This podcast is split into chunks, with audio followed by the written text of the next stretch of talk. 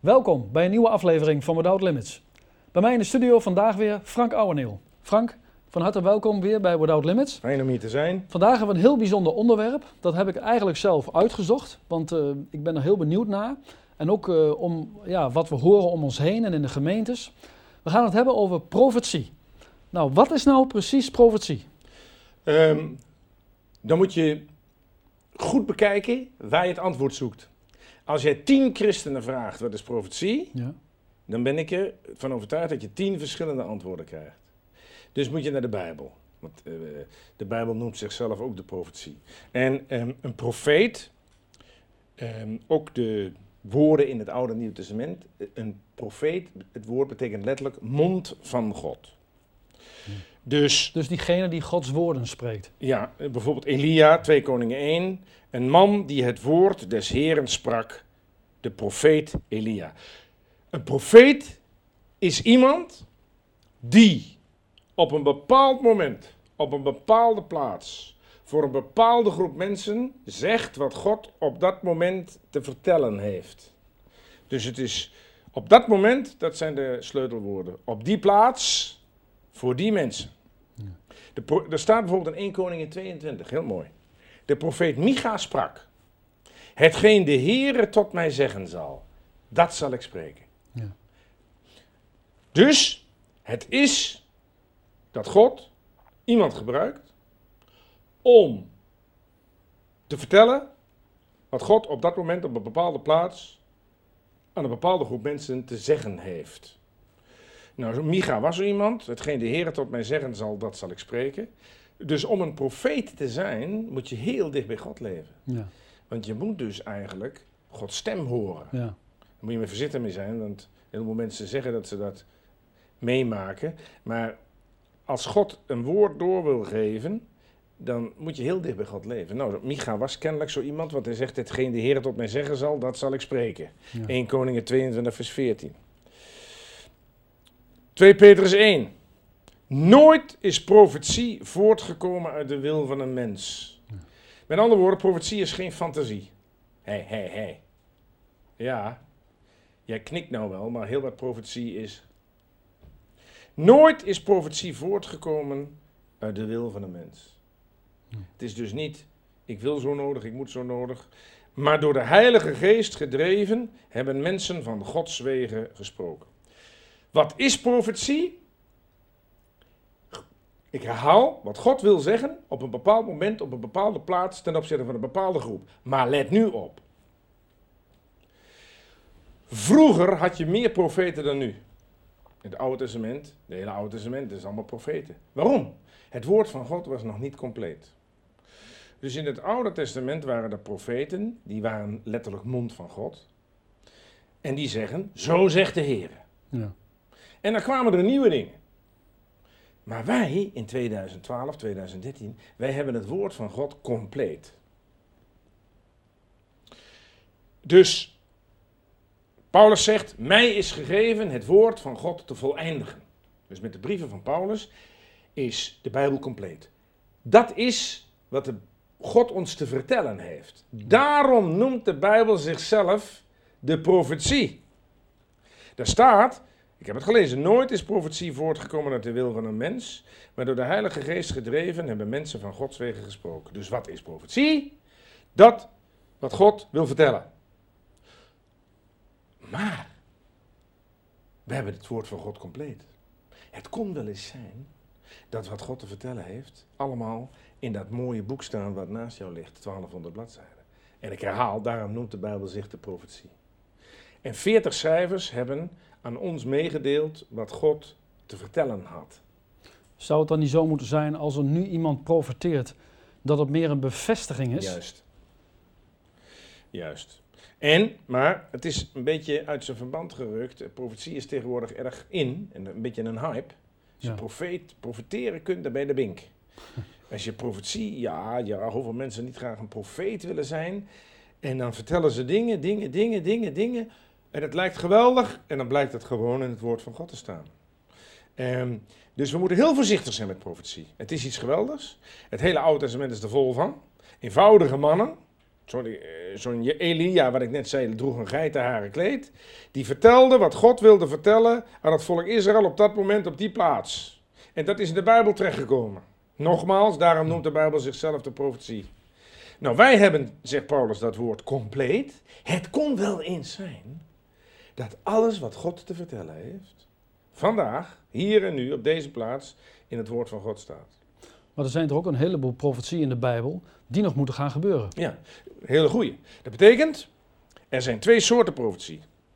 Dat is de profetie die gaat over nu. Het, en de, maar de meeste profetie in de Bijbel gaat over de toekomst. Ehm, je moet rekenen dat een derde van de Bijbel gaat over de toekomst. Met andere woorden, er zijn twee soorten profetie. Dat is de profetie over het heden. Dat is bijvoorbeeld dat God in jouw en in mijn leven iemand gebruikt om te vertellen waar we op moeten letten. Ik heb wel eens een profetie gehad dat iemand gewoon iets uit de Bijbel voorlas. Helemaal voor mij. Het, het kwam aan als een bom. Maar het stond al duizend jaar in het woord van God. Ja. Maar op dat moment had je het ontvangen. Of iemand die mij een tekst e-mailt. Een gewone tekst. Die ik, die ik zag als een woord van God. Ja. Ik heb in, in het dieptepunt van mijn leven ge- gevraagd: God, ik voel me alleen. Ik, geef mij een woord. Ik wil een woord. Een profetie. En dat was in Suriname in een klein kamertje met alleen maar een bed en een tafel. En heer, eh, ik, heb, ik heb een woord van u nodig. En op dat tafeltje lag een dagboekje. En, en ik zocht de dag op van die dag, die datum. Ja. En dat trof doel als een, als een kanonschot. Dat was het woord van God. En dus dat woord had ik op die dag nodig. Dat is ook profetie. Dus heel veel profetie in de Bijbel eh, is actueel voor het nu. Maar het leeuwendeel van de profetie in de Bijbel, eh, kijk maar naar het Oude Testament, daar gaat het over dingen die toen ze geprofeteerd werden nog moesten gebeuren. Er staat in Openbaring 1, zalig hij, gelukkig hij, die voorleest en zij die horen de woorden der profetie. Dat is het woord van God. En bewaren, niet alleen maar overgaan tot de orde van de dag, en bewaren hetgeen ges- daarin geschreven staat, want de tijd is nabij. Dus in openbaring 1 zegt de Bijbel, let op de profetie over de toekomst. Doe dat niet af als koffiedikkijkerij, maar eh, let er goed op, neem er kennis van, eh, want de tijd is nabij. En ik heb al verteld, een derde van de Bijbel, dat is meer dan 400 bladzijden, is profetie over de toekomst. En die zijn dus belangrijk, kennelijk. Juist. Waarom? Openbaring 19. Het getuigenis van Jezus is de geest der profetie. Met andere woorden, alle profetie over de toekomst hebben als centraal middelpunt de verheerlijking van Jezus Christus. Daarom is de profetie belangrijk. De Heer Jezus zegt in openbaring 22, ik kom spoedig, komt hij weer. Zalig hij of zij die de woorden der profetie van dit boek bewaart. Samengevat, profetie is dat wat God wil zeggen. Dat kan gaan over het nu, maar dat komt altijd uit de Bijbel. En God gebruikt iemand, een broeder of zuster, om een bepaald Bijbelwoord toe te passen op jouw omstandigheden, op jouw leven, in die situatie. Het is, het is een woord dat al jaren in de Bijbel staat, maar het kan profetie worden in je leven. Ja. Hoe vaak dat een hoop christenen al niet gebeurd is. Een hoop christenen die fantaseren iets en dan zeggen ze dit is een profetie en dan blijkt dat gewoon in het woord van God te staan. Maar het meeste profetie in de Bijbel zijn eh, zaken over de toekomst. Er staat in openbaring 22, je snapt natuurlijk wel, er staat het meest in de openbaring. En hij zei dat tot mij, verzegel de woorden van de profetie van dit boek niet. Want de tijd is nabij. Een hoop mensen zeggen die profetie over de toekomst is niet interessant. Het moet gaan om nu. De toekomst is niet interessant. Nee, zegt Jezus zelf, verzegel de woorden van de profetie van dit boek niet. Want de tijd is nabij. Met andere woorden, die Jezus zegt, hou je bezig met de profetie over de toekomst. Zodat je weet wat er komen gaat. Juist. 2 Petrus 1. Gij doet wel acht te geven op het profetische woord. Als een lamp die schijnt in een duistere plaats, totdat de dag aanbreekt en de morgenster opgaat in uw hart. Ik herhaal maar weer, de meeste profetie in de Bijbel ga- gaat over zaken die nog moeten gebeuren. Daarom hebben wij het in het Oude Testament over de profeten. De kleine profeten, de grote profeten. Amos, Daniel, hier staan ze. Ezekiel, Habakkuk, Haggai, Hosea, Jeremia, Jezaja. Jona, Malachi, Micha, Nahum, Obadja, Zachariah, Zephania. Op alfabetische volgorde. Waarom, waarom staan die allemaal in de Bijbel? Sommige mensen kunnen zeggen, jongen, jongen, jongen, jongen, wat saai zeg. Ja, dat zijn allemaal profetieën. Uh, al deze mannen zijn monden van God geweest. Die hebben verteld, dit en dit gaat er gebeuren. Het enige nieuwtestamentische profetieboek is Openbaring. Openbaring is eigenlijk de enige profetie buiten het Oude Testament die ook gaat over de toekomst. En 1 Thessalonicensen dan? Want daar, spreekt de Bijbel toch over de opname van de gemeente. En dat we alle veranderd zullen worden en hem tegemoet gaan in de lucht. Dat is toch ook een profetie? Ja, in zekere zin. Ja, zo zijn er natuurlijk nog wel meer profetieën. Maar het hele boek Openbaring is... Is eigenlijk een profetisch Is een profetie. Ja. En, en, en dat is een, een beetje een ondergesneeuwd onderwerp in Nederland. Want men vindt het niet zo interessant, de toekomst. We leven nu. Hoe vaak ik dat niet mensen horen zeggen, we leven nu. Ja, ik herhaal. Een derde van de Bijbel. Het zijn profetieën over de toekomst. Maar soms krijgen mensen een, een woord voor nu. En dan zegt er bijvoorbeeld een, uh, nou ja, ik zeg maar even een profeet tussen aanhalingstekens. Hè, met, met alle respect voor mensen die zuiver profiteren. Maar dan zeggen ze bijvoorbeeld van ja, ik zie dat de Heer mij laat zien dat je naar China moet gaan. Ik zeg maar wat. En dan pakken ze de koffers en dan gaan ze. Maar dat is, lijkt mij niet de bedoeling. Dan moet dat toch eerst bevestigd worden hè, en getoetst worden. Hè, want dat hoor je vaak. Hè, dat mensen eigenlijk een profetie krijgen. En dan achteraf daarvan terugkomen dat het blijkt dat het niet van God is geweest. Nee, maar stel je voor, ik ben die profeet. Ja. En ik krijg door, dat is ook zo'n uitdrukking, ik krijg een woord door, staat niet in de Bijbel, maar dat gebruikt men, dat jij naar China moet. Ja. Denk je dat God dat jou ook niet vertellen zal? Nou ja, ik zeg altijd zelf, hè, een, een, een, als je een profetie ontvangt, dan is dat iets wat God al bevestigd heeft in je hart. Ja. He, zo zie ik dat. Ja. Maar goed, er zijn veel dus mensen die dat niet zo Bijbel, zien. God is geen God van wanorde. Denk je nou echt dat God iemand eh, tegen jou laat vertellen, je moet naar China en dat je dat voor het eerst hoort? Eh, dat, precies wat je zegt, dat kan zijn dat het al lang in je hart speelt en dat God iemand gebruikt om, om je nog eens dat te bevestigen. Ik hoorde laatst, een, een, toen ik in Suriname was, een, een zendeling, die wilde niet. Maar van alle kanten werd hij geconfronteerd met Suriname. Ja. Die broeder had het erover, in een preek. Dat zijn hier mensen die op het punt staan om, om uitgezonden worden naar Suriname. Die, uh, uh, en, en maar al deze broeder uiteindelijk hoorde zoveel profetieën over hem. Dat hij naar Suriname moest gaan, dat was een bevestiging van wat, van wat de Heer al aan zijn hart had gewerkt. Maar wat, hij zei, die maar altijd gebruikte deze broeders teksten uit de Bijbel. Die doel troffen. Hm. Die ik tot die tijd nooit zo had gezien. Maar, en zonder dat die profeet dat in de gaten had, las hij een tekst voor en dat was voor mij profetie uit het woord van God. En er staat ook in het Oude Testament dat, uh, dat je geen angst voor een profeet moet hebben. Als hij dus een profetie heeft gesproken die niet uit is gekomen. Want dan staat er, want hij is overmoedig geweest. Dat kan ook. Maar dat kan dus wel gebeuren. Omdat een hoop profetie, spijt me dat ik het zeggen moet, fantasie is. En een hoop profeten van enige naam, die moeten natuurlijk toch constant uh, origineel blijven. En er wordt wat afgeverzonnen. Uh, ik, ik ben nog een jonge man, maar ik kan je tientallen profetieën noemen waar mensen blij van werden, maar die niet uitkwamen. Op een sterfbed, u zult genezen en dat de volgende dag iemand doodging. Denk erom dat dat bij mensen die kort in het geloof staan een shock is hoor. Ja. Daarom staat er ook in 2 Petrus 1, geen profetie der schrift laat een eigenmachtige uitlegging toe. Je kunt niet zomaar omsollen met het profetische woord. En nog even jouw voorbeeld. Als iemand tegen jou zegt, de Heer, geef mij een woord dat je naar China moet. Er staat in de Bijbel dat als wij bidden naar Gods wil, God zal het doen. Dus ik moet eerst in mijn eigen persoonlijk leven zoeken naar de wil van God. Daar heb ik geen profeet voor nodig. Als een profeet tegen mij zegt: Frank, ik heb een woord doorgekregen. Je gaat, uh, je gaat een werk beginnen in uh, de Centraal-Afrikaanse Republiek. Dan zeg ik: Kom bij mij aan de keukendeur, dan kun je een bord soep krijgen. En eh, ik neem dit pas serieus als de Heer dat ook tegen mij zegt. Ja. Want eh, eh, als de Heer mij daar nodig heeft, dan maakt Hij mij dat duidelijk. En, en, en, en zo is het. En dat doet de Heer vaak door het woord van God. Maar is ook niet het probleem in Nederland dat er zeg maar, allerlei conferenties, profetische conferenties worden georganiseerd?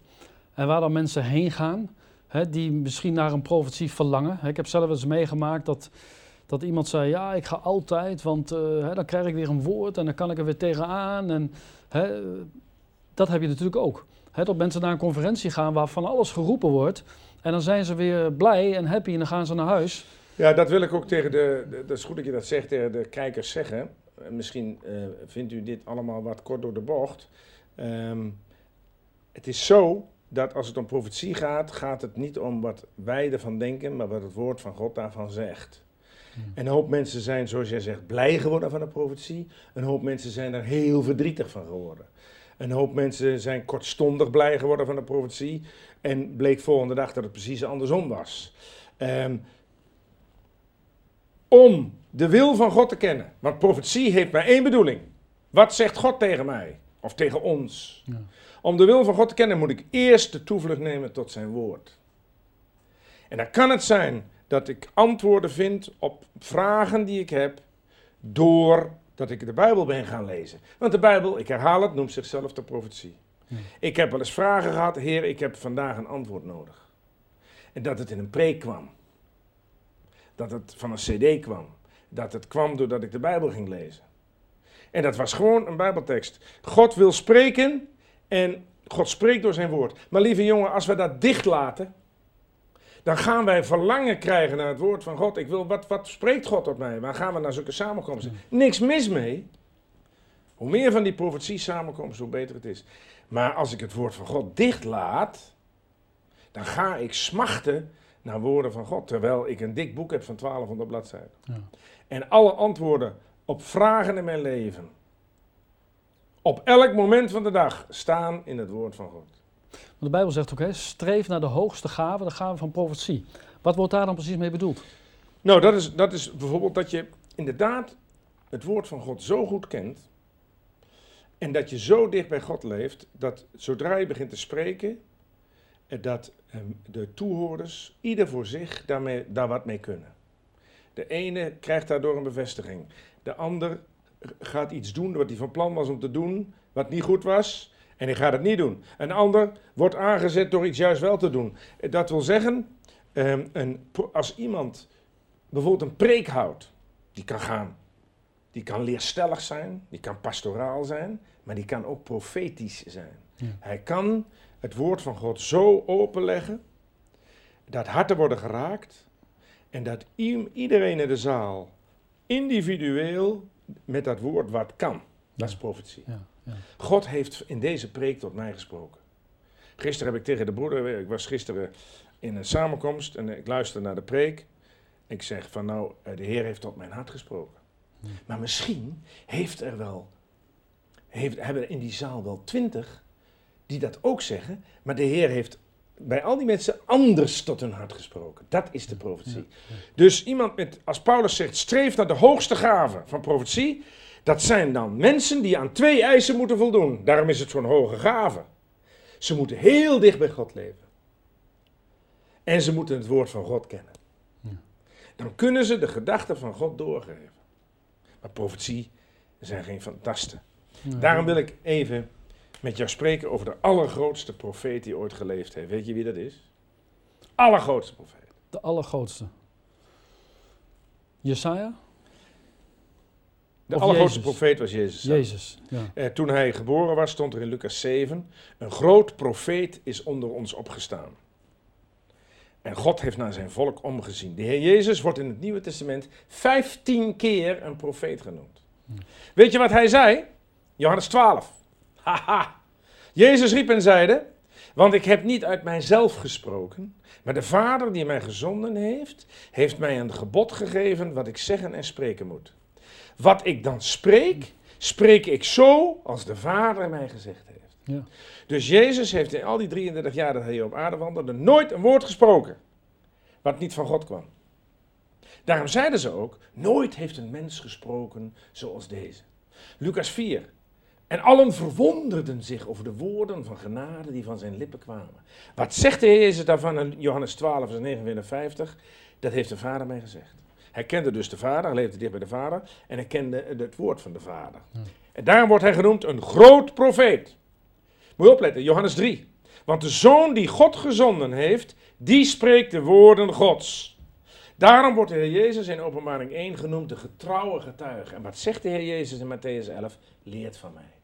Dus als hier iemand kijkt die profetische gaven ambieert, en die zijn er veel. Als u zegt, ik wil graag profeteren, ga op uw knieën en ga in de leer bij de beste profeet, Jezus Christus. Hij leefde dicht bij God, hij kende het woord van God en hij heeft nooit een woord gesproken dat niet woorden waren van God. En daarom, hij is het voorbeeld. 1 Petrus 4. Spreekt iemand?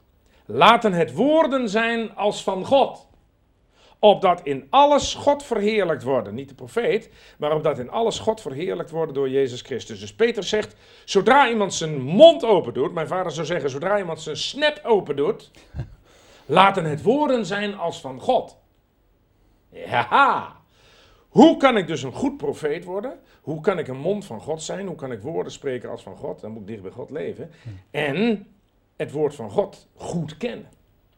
En dan kan ik gebruikt worden om woorden te spreken. En mijn grootste voorbeeld is de grootste profeet, Jezus Christus zelf. En waarom is er zoveel belangstelling eh, voor en verwarring over het begrip profetie? Omdat het spectaculair is.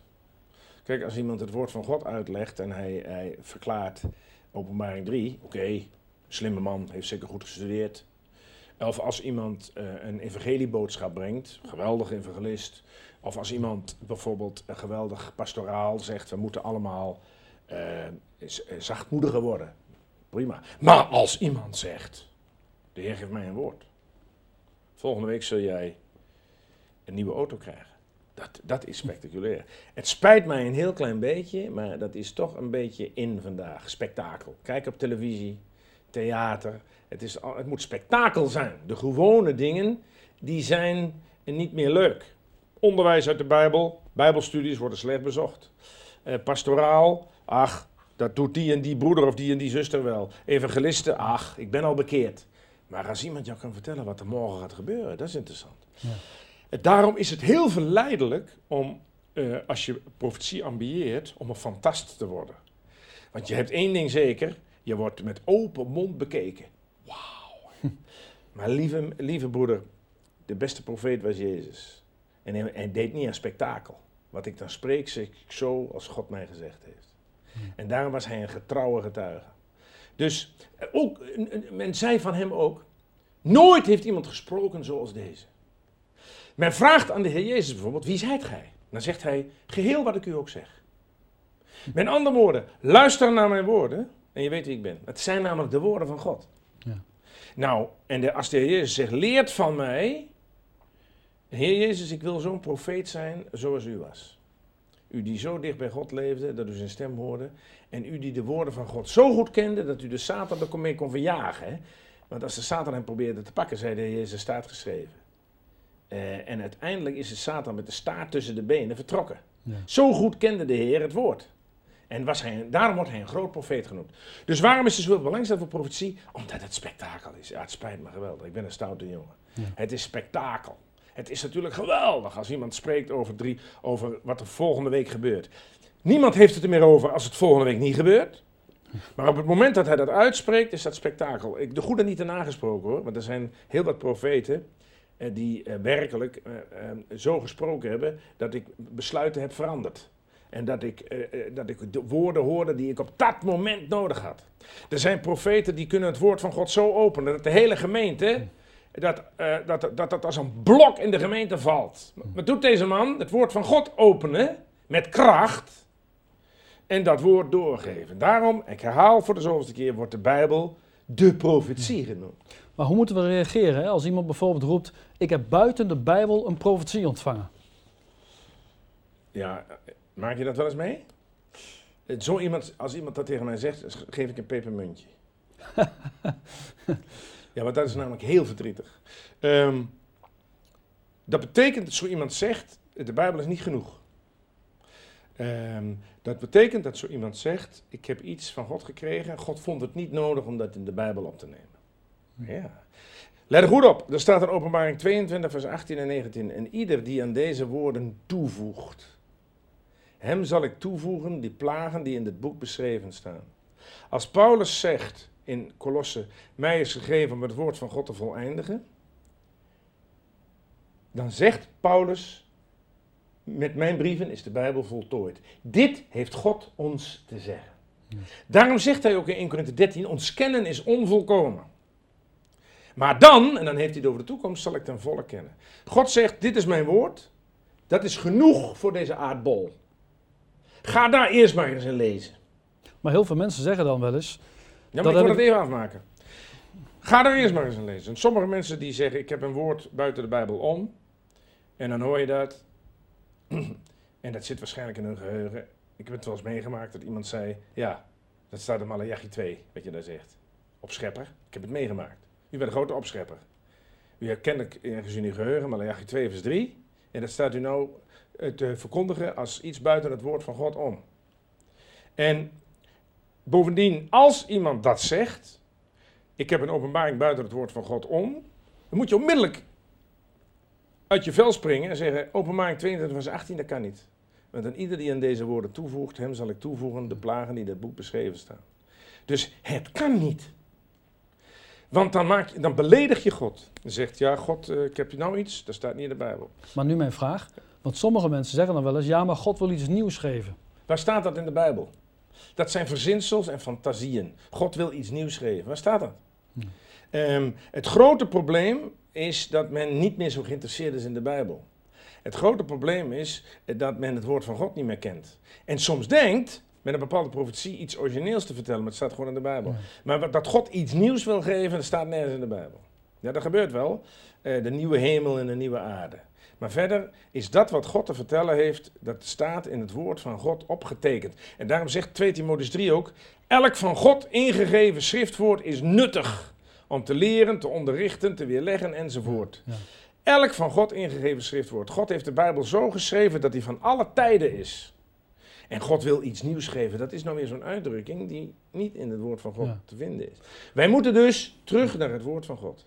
En als iemand dicht bij God leeft en hij kan het, kent het woord van God, dan is hij door de Heilige Geest in staat dat woord zo toe te passen dat mensen tot geloof komen en dat christenen wakker worden. Tot slot, laatste vraag. De Bijbel zegt ook, hè, met betrekking tot profetieën, toets alles, behoud het goede. Hoe moet je dat zien? Nou, heel simpel. Toets dat wat gezegd is en, en behoud het goede. Verge- eh, kijk en check of het klopt met het woord van God. Dat betekent het. De Bereërs luisterden naar Paulus, maar ze gingen wel even checken of alles wat hij zei, of dat wel zo was. Wat deden ze? Dat deden ze in de Bijbel. Dus toetst alle dingen. Nou, dat heeft ergens anders betrekking op, maar neem dat nou maar met profetie. Luister naar de profetie en ga gelijk aan de studie om te kijken of dat in overeenstemming is met het woord van God en of dat terug te vinden is in het woord van God. Want het woord van God is levend en krachtig, is altijd nieuw. Dus als mensen tegen mij zeggen, God wil iets nieuws geven, zeg ik, nou ga, dan ken je zeker de Bijbel uit je hoofd. ja, dan ken je zeker de Bijbel uit je hoofd. Dan heb je zeker behoefte aan iets nieuws. Kan niet. Spurgeon las de Bijbel 5000 maal en hij zei de vijfduizendste keer vond ik hem veel mooier dan de eerste keer. Het was voor mij steeds weer nieuw, steeds weer nieuw, steeds weer nieuw. Dus het woord van God is nieuw, Ja. levend en krachtig. En iedere profetie, om af te sluiten, toetsen we dus aan het woord, van God. Juist. Amen. Amen. En dan zullen we ontdekken dat hij al jarenlang in het woord van God heeft gestaan. Maar dat iemand heeft hem uitgesproken en hem toegepast, dat is goed. Als die maar in overeenstemming is met het woord van God. Oké. Wel Frank, hartelijk dank voor deze weer boeiende studie over profetie. We zien je graag volgende week terug bij een nieuwe aflevering. Dan gaan we het hebben over blijdschap en geluk. Geluk en blijdschap. Ook leuk. Ook leuk, absoluut. Bedankt.